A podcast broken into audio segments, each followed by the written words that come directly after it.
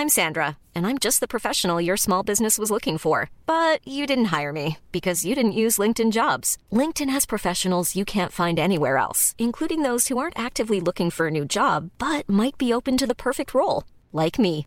In a given month, over 70% of LinkedIn users don't visit other leading job sites. So if you're not looking on LinkedIn, you'll miss out on great candidates like Sandra. Start hiring professionals like a professional. Post your free job on linkedin.com/people today.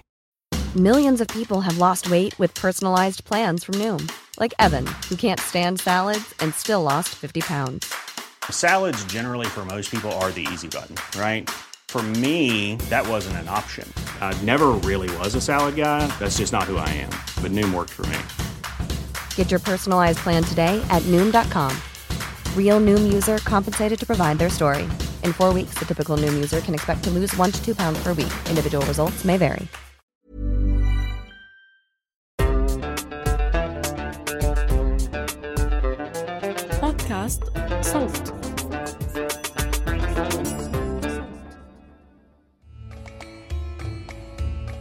وفي سنة 1154 كان واليا بالشام الحاج علي باشا من الأتراك وذلك بعد مضي 11 سنة من جلوس مولانا السلطان محمود خان من السلطان مصطفى خان. أيد الله عرش هذه الدولة إلى آخر الدوران. جرى على لسان العامة أنه سيحدث بدمشق الشام زلازل عظيمة تتهدم بسببها أماكن كثيرة وأن الرجال ستقلب نساء وأن أنهار الشام تجري طعاما.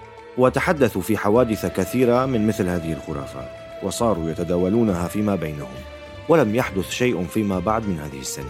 وكانت هذه السنة سنة غلاء في الأقوات وغيرها حتى بلغت أوقية السمن بخمس مصاري ونصف ورطل الأرز بستة عشر مصرية ومد الشعير بثمان مصاري والخبز الأبيض باثنتي عشرة مصرية. وكان في العام الذي قبله الحاكم بدمشق الشام عثمان باشا المحصل أخرج الأورطة التي للقبيقول من قلعة الشام فمنهم من نفاه ومنهم من قتلوا. والذي بقي كر له كور عمامته بعد شهادة جماعة من الناس بأنه غير زربه ولا وقع منه فساد وشتت شملهم في جميع البلاد وكان ذلك إصلاحا وقد قل الشر من دمشق الشام واصطلحت أحوال الناس. هذا الكلام اللي سمعتوه حدث في دمشق سنة 1741 ميلادي 1154 هجري. واللي كتبه هو أحمد البديري الحلاق بكتاب يعتبر شاهد نادر على حياة الناس بهي الفترة من حياة المدينة بيغطي فيه حوالي 21 سنة من عمر دمشق. شو رأيكم يا شباب؟ نسميه من بيت؟ لا بالمرة سميه شجرة حبيبي. من بيت يا شباب. وين فكر حالك؟ بالله. معك حق بيت. مزبوط بس لا ليش حتى أنت يا شباب؟ عم افتح؟ المعجم؟ آه، من بيت من مرادفات كلمة أصل وإذا أخذنا الأصل الجذر اللغوي أهلين وسهلين ومرحبتين ببودكاست من بيت من إنتاج صوت معي أنا بشر نجار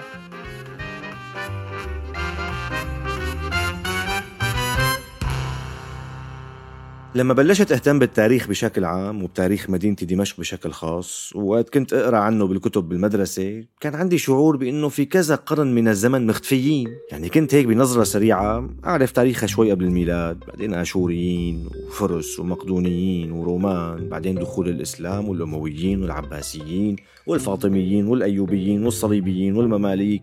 بعدين بتقرأ إنه صارت معركة اسمها مرج دابق مشهورة سنة 1516 ميلادي انتصر فيها العثمانيين السلطان سليم الأول على المماليك وسيطر على بلاد الشام وصارت كلها ضمن الدولة العثمانية.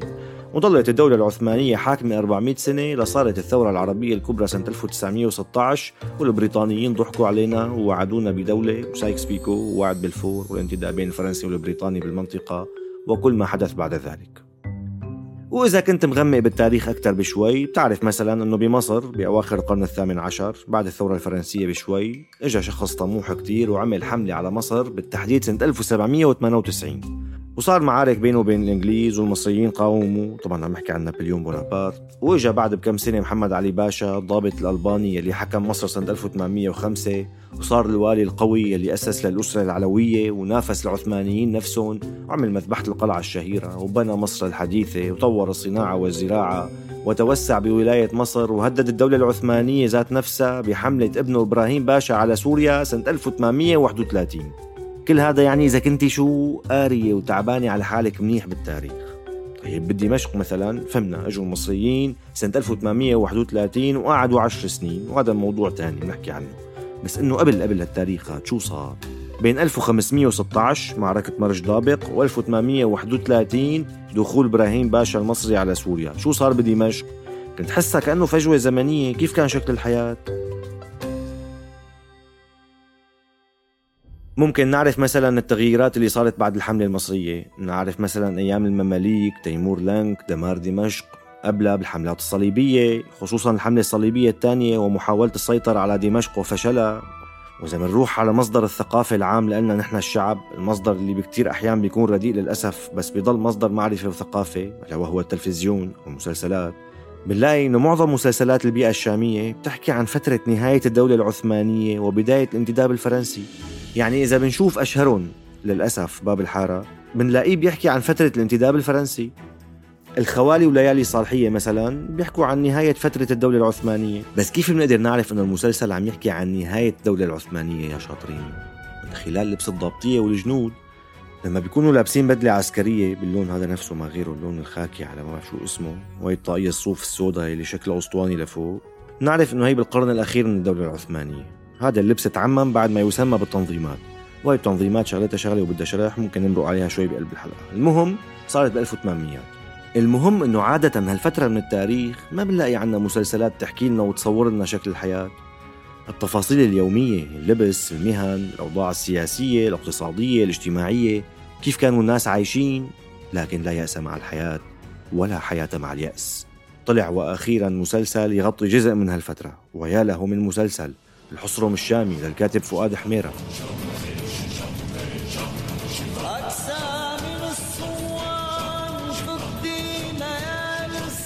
بغض النظر عن قوة المسلسل بالإخراج والإنتاج هذا مو موضوعنا. موضوعنا هو الصورة الجديدة اللي شفناها للشام. مختلفة. الناس والأحداث والأفكار والتفاصيل كلها مختلفة. مجتمع كامل بكل ما فيه من الصالح والطالح بمشاكله اللي بتشبه مشاكل مجتمع دمشق الحالي. مو مثاليات مثل باقي مسلسلات البيئة الشامية. السلام عليكم. وعليكم السلام ورحمة الله وبركاته. شرف شرف حمزة الله شرف. الحمد لله. حمزة الله الله يزيدك شرف يا رب. شو بتقول مشان الدالاتية؟ عمي مشان الدلاتية ما بدي أقول. عالم قايم بدنا نطلع خبرهم الشام كلها صدقوني يا جماعة ما رح نقدر. هدول رجال الباشا ايده ورجله بالبلد. ونحن حنقطع له إيده ورجله للباشا المسلسل بيبدأ بشرح بسيط عن الصراع بين الوالي سليمان باشا العظم والي الشام ومعه أغوات ساروجة والدالاتية. والدالاتية هن أخلاط من الجنود من أصول مختلفة بيستخدمهم الباشا اللي هو الوالي. وبين نائبه القلانسي. ومعه أغوات الميدان اللي كانوا محتكرين إمدادات دمشق من الأكل وخصوصا القمح والحبوب. لأنه حي الميدان هو حي بجنوب دمشق والحنطة والحبوب بيجوا من أغنى منطقة بهالمحصولين بالجنوب يلي هو سهل حوران. وتاريخيا كانت المستودعات اللي تستقبل الخيرات موجودة بهالحي هذا الميدان. وأحداث هالمسلسل هذا مستمدة من كتاب البديري الحلاق اللي قلت لكم عليه يلي بيغطي حوالي 21 سنة من حياة دمشق بالقرن الثامن عشر بال 1700 أما أنا شو رحت عملت؟ رحت قريت هذا الكتاب وجبت لكم خلاصة لما فيه طبعا مختصرة جدا لأنه الكتاب طويل وسردت لكم شوية أحداث وحللت شوية أمور رح نسمعها سوا إن شاء الله يا رب تعجبكم. الكتاب عموما مكتوب بلغة بسيطة سردا وبناء ومعلوماتا. يعني من الواضح أنه اللي كاتب هو شخص مو مختص بس كان عنده الكثير من حس المسؤولية لأنه يوثق ما رآه وسمعه. ولهيك بنلاقي إنه كثير من الأحداث هي أحداث مكررة بالكتاب لأنه كتب على مدى 21 سنة. مثلا الحج وتفاصيله بياخذوا جزء مهم من الكتاب لأنه الحج كان ياخذ شهور. لبينما تتجمع الوفود بدمشق ويطلع محمل الحج الشريف باتجاه مزيريب بجنوب الشام وبعدين على الحجاز مشوار شهور طويل كتير. قافلة يعني. جمال وهودج ومشي. هذا غير قصص الصراعات ضمن المدينة دمشق وأسعار المواد واختلافاتها عبر الزمان وغيرها من الأخبار. في كتير تفاصيل. Millions of people have lost weight with personalized plans from Noom, like Evan, who can't stand salads and still lost 50 pounds. Salads, generally, for most people, are the easy button, right? For me, that wasn't an option. I never really was a salad guy. That's just not who I am. But Noom worked for me. Get your personalized plan today at Noom.com. Real Noom user compensated to provide their story. In four weeks, the typical Noom user can expect to lose one to two pounds per week. Individual results may vary. I'm Sandra, and I'm just the professional your small business was looking for. But you didn't hire me because you didn't use LinkedIn jobs. LinkedIn has professionals you can't find anywhere else, including those who aren't actively looking for a new job but might be open to the perfect role, like me. In a given month, over 70% of LinkedIn users don't visit other leading job sites. So if you're not looking on LinkedIn, you'll miss out on great candidates like Sandra. Start hiring professionals like a professional. Post your free job on linkedin.com/people today.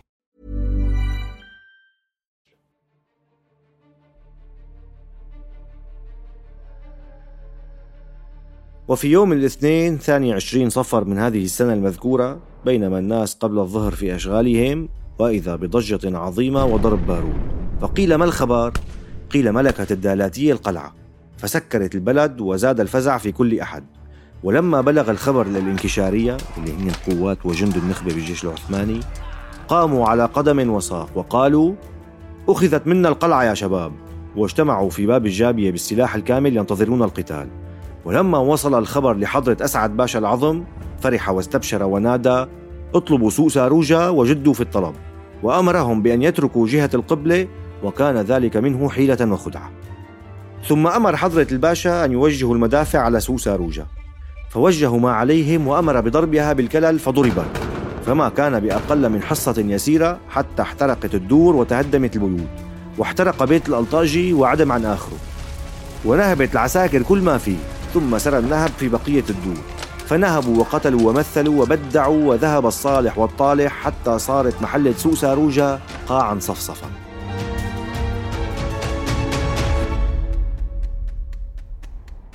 ثم أمر حضرة الباشا أن تدار المدافع على جهة الميدان فوجهوها. وكان رأس المفسدين بها مصطفى آغا بن خضري جربجي حتى سمى نفسه سلطان الشام وعنده زمر من الأشقياء يتقوى بهم. فحين بلغ هؤلاء المفسدين بأن حضرة أسعد باشا وجه عليهم المدافع بالعساكر أوقع الله الرعب في قلوبهم وركنوا للهرب والفرار. وطلبوا البراري والقفار. وبانهزامهم وهربهم تقطعت قلوب بقية من كان من الشجعاء من أهل الميدان فمنهم من هرب ولحق بسادتهم ومنهم من قبر في المغاير والقبور ومنهم من غطس في النهور. ولما وصلت للميدان المدافع لم يجدوا فيها من يدافع. فأول ما اشتغلت العساكر بهدم دار ابن خضري بعدما نهبوا جميع ما فيها من المتاع وغيره. وكذلك فعلوا بغيرها من الدور حتى نهبوا نحو من 500 دار وبعد ذلك اشتغلوا بهدم الدور التي نهبوها. هذا كان جزء من حياة دمشق بال 1740 صراع بين الوالي وأنصاره والآغا ومن معه. دالاتية ويرلية وعسكر وأغوات وزرباوية أو زعران بلهجة هذيك الأيام. والبدو عم يغزوا والناس علقانة تحت ضرب المدافع والأمراض منتشرة وحالة البلد متدهورة والأمن منعدم. من الكلام بتحس إنه واضح كتير عدم سيطرة الدولة العثمانية على الأوضاع بشكل تام. يعني إسطنبول ما بتحسها عاصمة فارضة سيطرتها بشكل كبير. وهون بنفوت بالتحليل التاريخي إلى جانب سرد ما جاء به البدير الحلاق. الكتاب بدون بشكل أساسي مين تولى من البشوات ولاية دمشق وكبار أصحاب المناصب وعزلهم مثل المتسلم والدفتردار والقاضي والمفتي وأغوات العساكر. والمعارك بين الأجناد واضطراب الأمن وارتفاع الأسعار وانتشار الأمراض وغزو الجراد وحوادث الوفاة للمشايخ والمتصوفين ونقباء الحرف شيوخ الكار يعني والظواهر الطبيعية حتى الزلازل. وبيحكي لنا عن الحروب اللي كانت دائما دائرة بين الولاة من جهة وبين جهات متمردة حوالي دمشق من جهة ثانية أو مع عشائر البدو اللي كانت تغزو المدن والأرياف لأنه حياتها كانت صعبة بالبادية. فالبعض منا بيعتاش على الغزو ظاهرة قديمة يعني منتشرة. بس الأهم هو أنه نفهم كيف كانت تتم عملية الحكم. خلينا ناخذ مسافة إلى الوراء ونشوف شكل الدولة بوقتها. الدولة العثمانية ببداية القرن السادس عشر توسعت كتير. سيطرت على مساحات واسعة ببلاد الشام ومصر مساحات كبيرة. وبأدوات الإدارة بهداك العصر كان من الصعب يكون عندك حكم مركزي وقوي. الاتصالات بطيئة المسافات بعيدة كل مكان له خصوصيته طوائف وأديان ولغات كتيرة. لا تنسوا أنه الدولة كانت موجودة بثلاث قارات أوروبا وأفريقيا وآسيا. وخلال هالمرحلة يعني بين بداية ال 1500 إلى وصول الحكم المصري بال 1831 مثل ما حكينا فينا نقول أنه شكل الحكم كان واحد.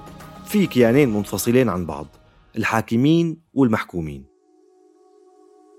العسكر اللي مهمتهم الدفاع عن الأرض الدولة صنعت منهم أداة للحرب وبنفس الوقت أداة للحكم. يعني اسطنبول كانت تحكم الأقطار والأمصار اللي مسيطرة عليها عن طريق العسكر والجنود اللي فيها. أما بالقرن التاسع عشر بعد التغييرات والتنظيمات اللي طلعتها الدولة نفس التنظيمات اللي حكيت لكم عنها بلشت الدولة تعمل أدوات إدارية أعدت خصيصا لهذه الغاية. وبوقتها صار فصل بين أداة الحكم وأداة الحرب. يعني صار الجيش للقتال والمؤسسات المدنية للحكم. بس خلال القرون الثلاثة اللي عم نحكي عنها واللي العشرين سنة تبع أحداث كتابنا هي من ضمنها كانت الدولة هون خلص تركت الولايات لحالها تقريبا. الجندي اللي حاكم ما عاد جددته خلت كل والي يجيب عصبة تتقاتل معه وانتشرت العصبيات والصراعات. يعني الجندي اللي كانوا سواء مع الوالي أو ضده تحولوا لعصابات نهب وقتل وقمع.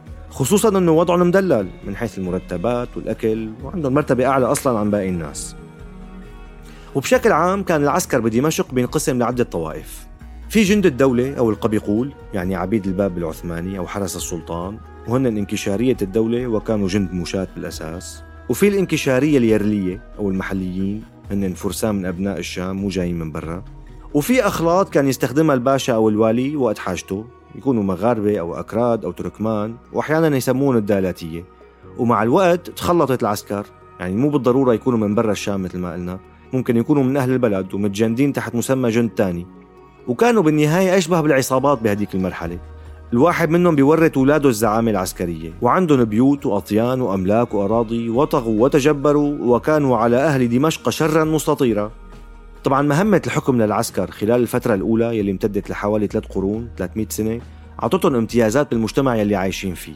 أما الناس أهل المدن والأرياف فاعتمدت الدولة العثمانية على أنها تترك لهم الحرية بتنظيم أنفسهم ضمن طوائف إلى قدر كبير من الحرية بالتصرف داخل الطائفة نفسها. طبعا هالحكي ما بيغطي بس الطوائف الدينية هي التقسيمات كانت هيك على شاكلة الطوائف أو المجموعات إن كانت دينية أو مهنية أو بأي شكل تاني. والواسطة بين هالمجموعات والدولة كانوا رجال الدين أو القاضي أو المفتي نقيب الأشراف شيخ الكار. هدول كانوا صلة الوصل بين الحاكم والمحكوم. بس المشكلة وين؟ المشكلة صارت بجهة الحاكمين اللي هن العسكر. بدأ يصير في بيع للمناصب لأنه يلي عنده منصب بيكون عنده امتيازات وأراضي وأملاك وسلطة مثل ما حكينا. وجهة الحكم هي من العسكر وغيره ما كانت بالضرورة بس من الأتراك. ممكن كتير تكون من أهل البلد نفسهم. وأشهرها مثلا عائلة العظم يلي حكمت ولايات عدة ببلاد الشام ويقال أن أسرة عربية أقامت في معرة النعمان بشمال سوريا مدينة قريبة من إدلب. ومنهم الوالي أسعد باشا العظم يلي ورد ذكره بالمقطع السابق ويلي بنى قصر العظم وخان أسعد باشا بمدينة دمشق. المهم بنرجع للمشكلة. لما يوصل واحد بالمصاري وينتقل من المحكومين إلى الحاكمين ما عاد يترك بسهولة بيتشبث وبيروح لأبعد مدى بالتشبث هاد. وممكن يصير يستغل الناس ويستعلي عليهم وسيطرته تكون أشد وأعنف. وبالمقابل الحكم تبعه بيكون ضعيف. لأنه بالأساس العسكر المهمة اللي أعدوا لها وتكونوا مشانها هي الدفاع وليس الحكم والإدارة. لهيك بتلاقي الاختلال والفساد واضحين. خصوصا لما ما يكون في حرب.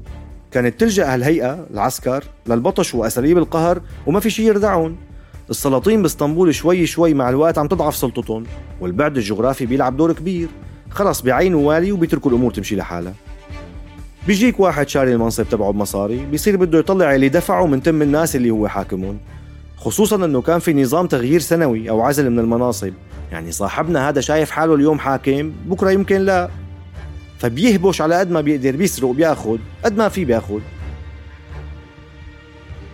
يعني بالمختصر المفيد الدولة كانت تحكم بشكل سطحي وتاركة كل مكان يحكم حاله بحاله طالما ولاءه للدولة وما طلع عن طاعتها وإذا طلع وحاول يعمل دولة لحاله كانوا يبعثوا له جيش يضبطه مثل الظاهر عمر بطبرية أو فخر الدين المعني الثاني بلبنان وغيرهم كتير. وأحد أهم مشاكل هالطريقة هي إنه صحيح كان في نوع من التسامح بالدولة وإنه كل طائفة دينية تحكم حالها بحالها وبمنظومتها الأخلاقية والتشريعية إلا إنه هالشي خلق جزر ضمن الدولة. كل طائفة بجزيرة منفصلة عن الباقي بشكل أو بآخر لدرجة صار الولاء للطائفة أهم من الولاء للدولة. وسيطرت فكرة أنه خلي كل شيء على ما هو عليه. أي تغيير ممكن يؤدي للانهيار. خلص في انتصارات بالدولة على الأعداء اتركوا الوضع الداخلي مثل ما هو. الوالي بتعينوا السلطنة لحتى يحكم الولاية بس بيحطوا معه ناس تانيين يشاركوه الحكم ويراقبوه إذا فينا نقول. مثل الدفتر دار والقاضي وضباط الأجاقات وكل واحد له سلطته ومكانه. والهدف هو إنه الوالي مثلا ما يكبر رأسه ويحاول يستقل. إنه بالنهاية أدوات السيطرة على الدولة ما كانت متطورة فكانوا مضطرين يخلوه تحت النظر ناس عم تراقبه ويحفروا لبعضهم. هالحكي طبعا بمراكز الولايات والمدن. أما المناطق اللي تركتها الدولة تحكم حالها بحالها فكانت دائما تستخدم بالصراعات الدائرة ضمن الولاية. البدو مثلا كان الوالي يستخدمهم كطرف مساعد بصراعه مع جهات تانية بالولاية. مثل ما شفنا بقصتنا لما الوالي كان علقان بالشام مع الأغوات. كل واحد جايب حدا لطرفه. فكانوا يستخدموا أطراف تانية كمان لتساعدهم بالمعارك والانتصارات وتثبيت الحكم يلي أصلا ما كان عم يتثبت. مكائد وغدر وكيد وضرب وقتل. كل هذا خلى الحياة صعبة كتير بحسب ما بيحكي لنا البديري الحلاق وانتشر الفساد والموت والفقر والأمراض. لدرجة تخيلوا إنه بيقول إنه مرة كان في قاضي عرف بنزاهته واستقامته والتواضع والسخاء تبعه. ولكن لما كان لا يأكل الرشوة ولا يميل في دعوة فقد مال عليه أهل الشام وسعوا حتى عزلوه. يعني الناس وصل فيها الفساد إلى أن ما عادت تقبلت القاضي النزيه المستقيم مثل أيامنا حاليا. الناس ما بتحب الموظف اللي ما بياخد رشوة مو لأنه الناس عاطلين. لا كانوا عاطلين من زمان ولا هلأ عاطلين. الناس هنن هنن بس المحيط العام يلي حواليك هو اللي بدفشك. شكل الدولة والحكم. لما تكون شريعة الغاب هي اللي سائدة وكل واحد عم يفكر كيف بده ينجو بحياته بيصير التفكير على شاكلة صراع البقاء. الدولة عم تشتغل ضد مصلحتك مو عاطيتك حقوقك ولا حاميتك. والقانون مو محترم والناس عم تركض بس لتأمن حاجياتها الأساسية بأي شكل. فالناس شوي شوي بتتغير وبتتأقلم مع الوضع المفروض من فوق.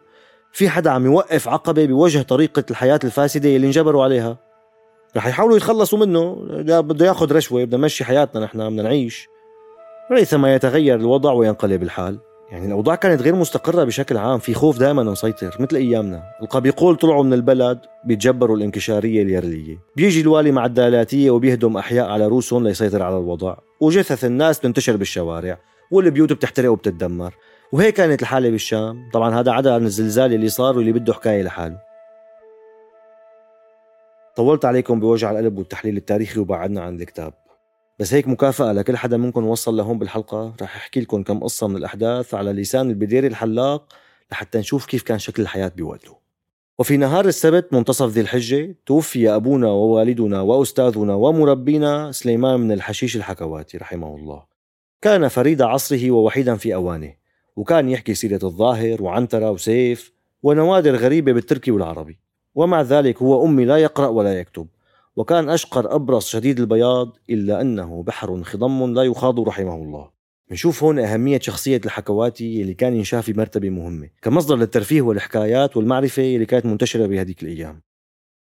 أما الفقرة التالية فبتحكي عن بائعات الهوى بهديك الأيام. وأشهرهم سلمون اسمها سلمون بخانة دكة بحيث يقول البديري الحلاق وفي تلك السنة كثرت بنات الخطأ يتبهرجن بالليل والنهار فخرج ليلة قاضي الشام بعد العصر إلى الصالحية. فصادف امرأة من بنات الخطأ تسمى سلمون وهي تعربد في الطريق. سكرة مكشوفة الوجه. طبعا العادة بوقتها كانت تغطية الوجه. وتحمل بيدها سكين. فصاح جماعة القاضي عليها أن ميلي عن الطريق. هذا القاضي مقبل. فضحكت وصاحت وهاجمت على القاضي بالسكين. فأبعدها عنه أعوانه. وقالوا له هذه من بنات الخطأ واسمها سلمون. وافتتن بها أغلب الناس. حتى صار ينسب إليها كل حاجة أو متاع. فيقولون هذا المتاع سلموني وهذا الثوب سلموني. حكاية تانية كمان حبيباتي انتو يلا ما بتطلعوا إلا مبسوطين. وفي هذه الأيام شاع خبر بدمشق بأنه في الشام امرأة يقال لها السماوية تمسك الأولاد بالاحتيال والرجال أيضا. لأجل أن تخرج السم منهم فخافت الناس وكثر الفزع وصارت الناس توصي بهم بعضا منها. وبعد مدة أيام وقعت ضجة بين الناس فقيل ما الخبر؟ قالوا قبضوا على السماوية. وإذا هي امرأة عجوز قبضت عليها العامة. وخلفها الأولاد والرجال كالجراد وهم يضربونها ضربا وجيعا وذهبوا بها لعند القاضي. فسألها عن حالها ومن أين أتت؟ فقالت والله يا سيدي أنا امرأة فقيرة الحال ولي أولاد وعيال. وهذا القول عني زور وبهتان. فأمر القاضي بتفتيشها وتفتيش بيتها. ففتشوها فإذا معها لعب يلعب بها الأولاد الأطفال وفي جيبتها طواقي كبار وصغار. ثم ذهبوا وفتشوا بيتها فلم يجدوا فيه غير متاع عتيق وقطعة من الحصير. ثم شهد جيرانها بأنها امرأة فقيرة الحال ولها زمان قاطنة في هذا المكان. ثم أطلقوها فذهبت لحال سبيلها. ثم في تلك الأيام كثر الجراد وأضر بالعباد. وهذا كله مع ازدياد الفجور والفسوق والغرور والغلاء والشرور. فخرج الشيخ إبراهيم جباوي ومعه التغالبة بالأعلام والطبول. وقصدوا زيارة السيدة زينب واستغاثوا عندها بكشف البلاء عن العباد. وفي ثامن جماد الأولى اغتيل رجل شقي من الصالحية يعرف بالفستي كان كما قيل داهية دهماء ومصيبة عظماء. شجاع يرد مئة شجاع بعصا. سارق ما سمع بمثله بين اللصوص المشتهرين بالحيل. فمن حيله وشطارته التي ما سمع بنظيرها أنه متى وضع يده على أعلى حائط فمتى علق ظفره به صار بأعلاه والمدهش أن يكون ظهره للحائط وإذا وضع في أي مكان وغلق عليه الباب وقفل خرج منه مهما كان. وهذا كله ولم يجاوز عشرين سنة من عمره. ثم إنه بغى على أهل الصالحية خصوصا وعلى غيرهم فأعياهم أمره. فجعلوا لشخص جعلا على قتله فاغتاله بعد أن عمل معه صحبه وقتله وراح وكأنه ما كان.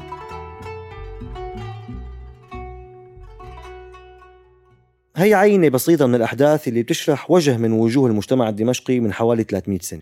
كيف كانوا الناس يفكروا والقيم والعادات المنتشرة الإشاعات والخرافات والمشاكل ونظرة الكاتب لكل ما جرى كمراقب. طبعا في كتير قصص وأمور ما بقدر أغطيها لأنه الوقت ما بكفي. بس يلي لازم أقوله برأيي إنه كتير مهم نقرأ هالكتاب وما شابهه من الكتب لحتى نفهم كيف كانت عن جد حياة أجدادنا. بحلوها ومرها. بكل شيء منوافق عليه أو ما منوافق عليه. بكل التفاصيل مهما كانت قاسية أو جميلة لحتى نعرف ونتبع كيف وصلنا للي وصلنا له اليوم.